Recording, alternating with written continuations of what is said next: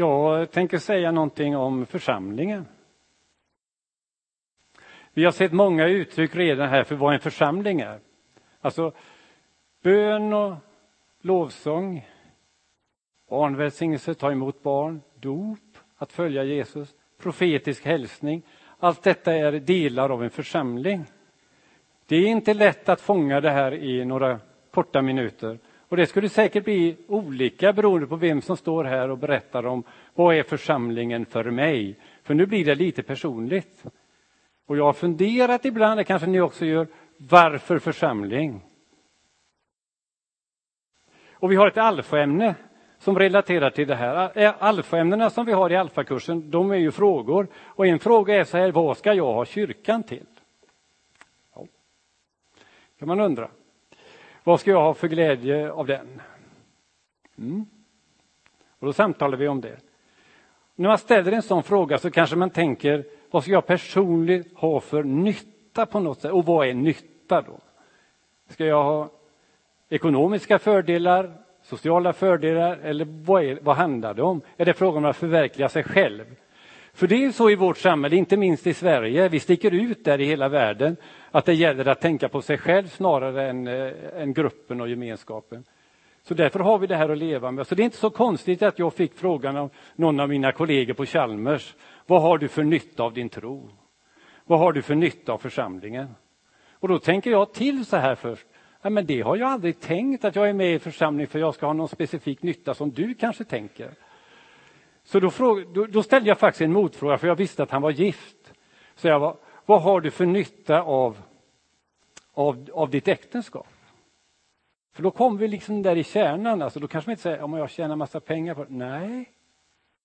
För då kommer det till relation. Vad har jag för glädje? Vad har jag för nytta av min relation, mitt äktenskap? Då är det mer likt vad jag har för glädje och nytta av min församling. För det här är något som går väldigt långt utöver det egna jaget, den egna nyttan. Vi är skapade för gemenskap med Gud och varandra och här finns församlingen som Guds tanke med detta. Och naturligtvis är det sant om jag skulle vittna själv här nu, det gör jag ju, att jag har haft stor glädje och nytta av församlingen när livet har krisat. Det gör det ju för alla och ni vet ju, jag kan inte ta så mycket exempel, men ni vet ju många vad vi har gått igenom i min familj. Och det är klart att eh, församlingen var en enorm tillgång med alla förböner, allt stöd och hjälp på allt sätt. Men jag vill ibland ändra på de här alfämnena. Jag är lite sån där, ja, jag vet inte vad man ska säga, lite anti ibland. Alltså jag frågar, man kanske ska fråga vad vill Gud ha församlingen till istället för vad vill jag ha församlingen till? För det är inte jag som har hittat på församlingen. Det kan vi ju reda ut från början. Det är faktiskt Guds idé att det ska vara en församling. Och hur tänkte han då? Jo, han tänkte att det ska vara en församling, de som tror på mig, de ska komma tillsammans och på något sätt visa Guds kärlek. Den första kristna församlingen som det står om i Bibeln, de fick det här sagt om sig från andra. Men titta hur de älskar varandra. Mm. Så vi ska visa Guds kärlek och vi ska vara de troendes gemenskap. Vi ska hjälpa varandra att växa som kristna. Vi får tjäna varandra och världen med de speciella gåvor som vi har fått. Personliga gåvor, naturliga och kanske övernaturliga gåvor. Vi ska stödja varandra i svårigheter när livet krisar och då är förbönen för varandra en enormt stor tillgång. Församlingen har också en mycket stor uppgift i världen. Vår vision här läser vi inte så ofta, men vi vill hjälpa människor till en personlig relation med Gud, till goda relationer med varandra och till ansvar för skapelsen. Vi vill att människor ska lära känna Jesus, Guds son, älska och följa honom. Så vi är inte bara till för varandra här, vi är till för alla andra. Och vi vill att fler ska komma i vår gemenskap. Vi har en väldigt stor uppgift utåt. Församlingens uppgift är att göra Gud synlig. Jag har hört många människor som säger så här att bara Gud eller Jesus gjorde sig synlig så skulle jag kanske kunna tro. Känner ni igen det? Hur ska Gud göra sig synlig? Ett sätt är genom oss, genom församlingen. Så tror jag Gud mycket tänker. Församlingen har en stor uppgift att göra Gud synlig.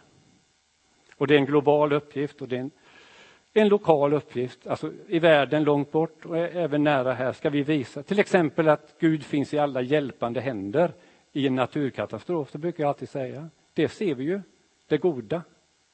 Gud finns i alla hjälpande händer och när det krisar i mitt liv, församlingens hjälpande händer, det är att göra Gud synlig.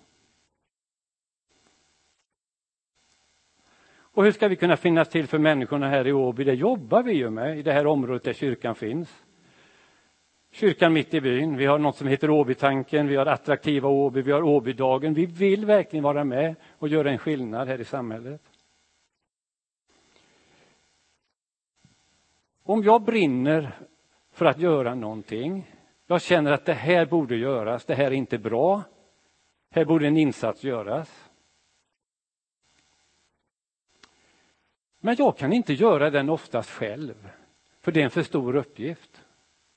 Då är det gott att ha en församling och gå och fråga, vad säger ni om den här idén, den här tanken som jag har fått och jag har burit den länge. Ska vi inte göra någonting här? Och så kan vi som församling göra det. Här måste jag ändå ta ett exempel. Ni vet att vi har light, här vi har servering eh, för de utsatta i Mölndal tre eh, dagar i veckan. Och sen har vi en gudstjänst också på torsdag kväll. Jag var ju en av dem som tyckte att det här måste vi göra. Och så kände jag att jag har så mycket att göra så jag går och frågar några andra, eller jag tar ett samtal med Lars Evert och Sture och de andra som är engagerade i det här. Ska vi inte göra detta här i kyrkan? Jag hade inte kunnat gjort det själv. Men genom att jag är med i en församling där det finns andra som man kan jobba tillsammans med så kan vi göra detta viktiga. Det är församling för mig.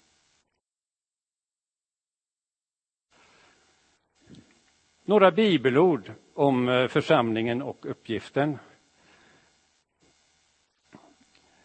Och det är Paulus som säger så här i Filipperbrevet 2 och 13. Det är faktiskt Gud som verkar i er så att ni både i vilja och gärning förverkligar hans syfte. Gud har en tanke, han vill göra någonting och så har han församlingen som redskap. Och då är det helt underbart att vi finns här för att utföra Guds syfte, det Guds tanke är. Det får vi vara med och göra. Det är svårt att tänka sig något större överhuvudtaget än att vara med i den uppgiften. Du och jag får vara redskap när Gud förverkligar sina syften på jorden. En annan text är när, när Jesus säger, då är vi i Matteus 5 och 13. Ni är jordens salt, men om saltet mister sin sälta, hur ska man då göra det salt igen? Det duger bara till att kastas ut och trampas ner av människorna. Det säger mig att församlingen ska stå för någonting annat, ofta, än det som finns i, i samhället och rör sig i tankar och visioner och idéer. så. Vi ska faktiskt vara ett salt och det innebär att vi ska stå för någonting annat och försöka förändra. Så tolkar jag det ordet salt i det här sammanhanget. Vi ska inte alltid vara politiskt korrekta och ta till oss allt som finns i samhället, utan försöka tänka till. Är detta bra? Är detta rätt? Stämmer det med Bibeln? Kan detta vara Guds vilja? Och så ska vi utgå från det. Och då tror jag faktiskt att det är ett stort mervärde för hela samhället om vi gör så. Det är en plusfaktor i livet och för ett samhälle att ta de här värderingarna som, som Gud ger oss att utgå ifrån. För om det är någonting som saknas i vårt samhälle så är det behovet av mening och tillit. Det finns en ny vetenskaplig forskning om detta. Att det som saknas mest i vårt land, speciellt faktiskt i vårt land igen då, som jag sticker ut lite, det är mening och tillit. Och det kan bero på att vi församlingar kanske har tappat något initiativ. För det här är ju någonting som vi kan ge omvärlden, vårt land, mening och tillit som finns i en tro på Gud. Det är starkt.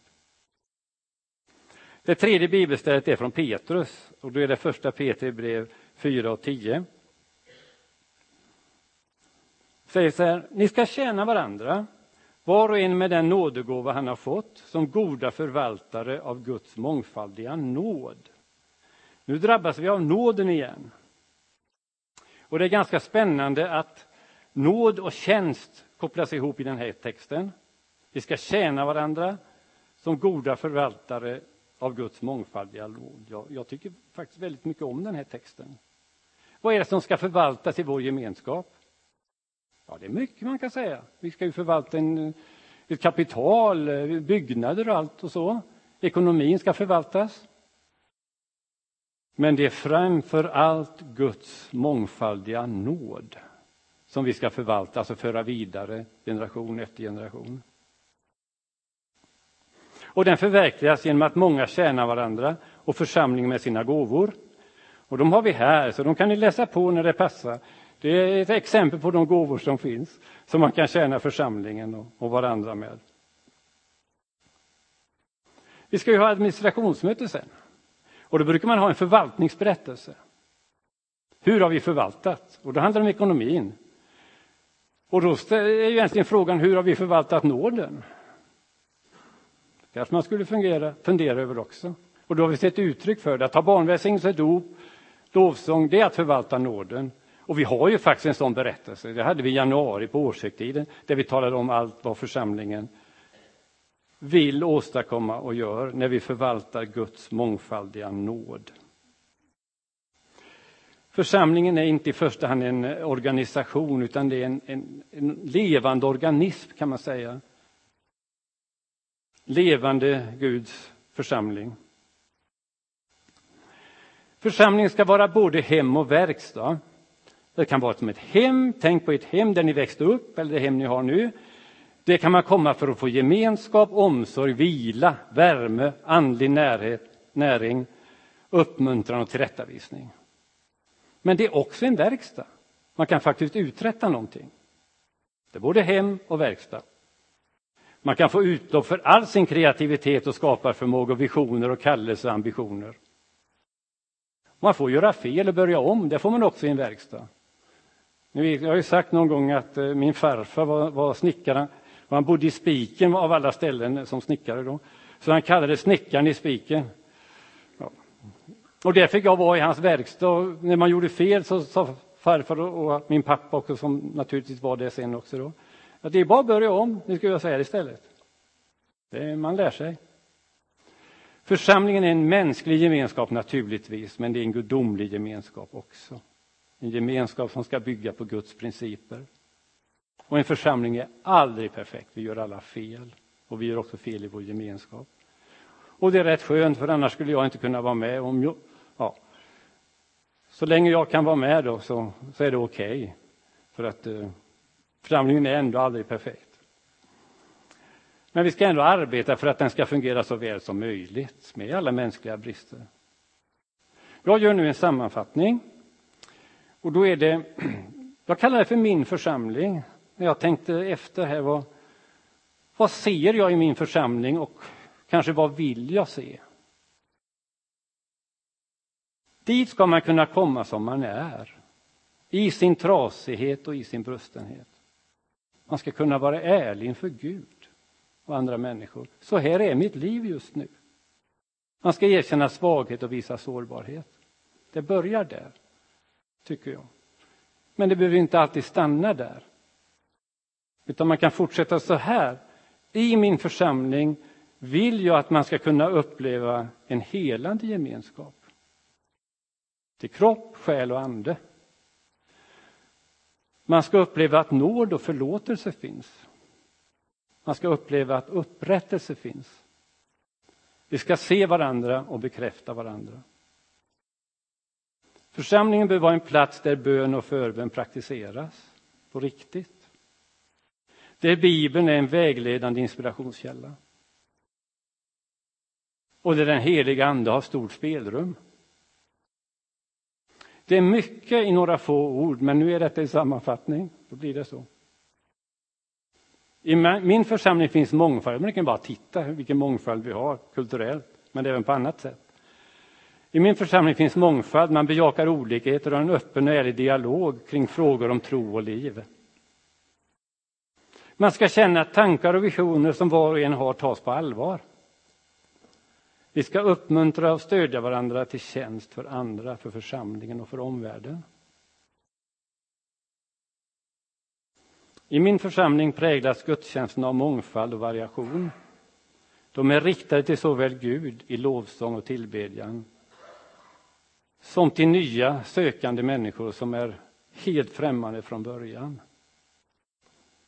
Ska ändå känna att de blir på något sätt, att, att det som sägs och görs blir begripligt. Jag avslutar med att säga att församlingen är mycket större än vi tänker oss, vi som är här. Alltså när jag talar om att man döps in till Kristus och församling så tänker jag i första hand inte kanske att man döps till den här lokala församlingen. Man döps till en gemenskap med alla kristna i hela världen. Guds barn, Kristi kropp säger vi, och det är faktiskt alla. Men sen döps man också till en gemenskap lokalt om man så önskar och det är en tillgång. Det är det jag försöker beskriva här, nyttan, glädjen av att tillhöra en, en lokal församling också. Men även lokalt så är vår församling mycket större än vi kanske tänker på oss som samlas så här. Och det har jag fått reda på på sista tiden genom eh, reflektioner som jag får på mina veckobrev från människor som man inte har möjlighet att se här. För de är vad vi säger avsidestagna, säger man. Det betyder att de inte har möjlighet att komma hit på grund av sjukdom eller annat. Men de svarar på veckobreven. Och jag förstår att det är väldigt många som ber för församlingen, som ber för församlingens ledning, som jag inte hade kunnat ana. Och jag var på ett hembesök för en vecka sedan. En man som inte hade kunnat komma till kyrkan här på ett halvår på grund av att han hade problem med sitt ben helt enkelt. Och jag åkte dit och säger han, men du ska veta, jag är ju med er. Jag ber varenda dag för församlingen och ledningen. Och det är väldigt gott att höra det. Och då känner jag att församlingen växer för mig och blir något mycket större. Om ni nu känner att ni vill vara med i församlingen så vet ni lite om vad det kan handla om. Och då är ni välkomna att ta ett samtal om det. Och vi kommer ju alldeles strax, nu har jag inte riktigt koll på schemat här, om vi ska gå direkt över till att hälsa välkommen så blir det som en del i predikan i så fall. Ja. Nu är det så här att utan medlemmar så blir det ingen församling, det är ju ganska uppenbart. Och vi alla har olika uppgifter och hjälper varandra, det har jag redan sagt. Och nu är det så fantastiskt att vi har ett antal eh, som vill bli medlemmar nu i vår församling. Och vi ska hälsa de nya välkomna nu. Jag kan ta det där, jag vet inte om jag behöver det kanske. Och ni är välkomna fram, då är det eh,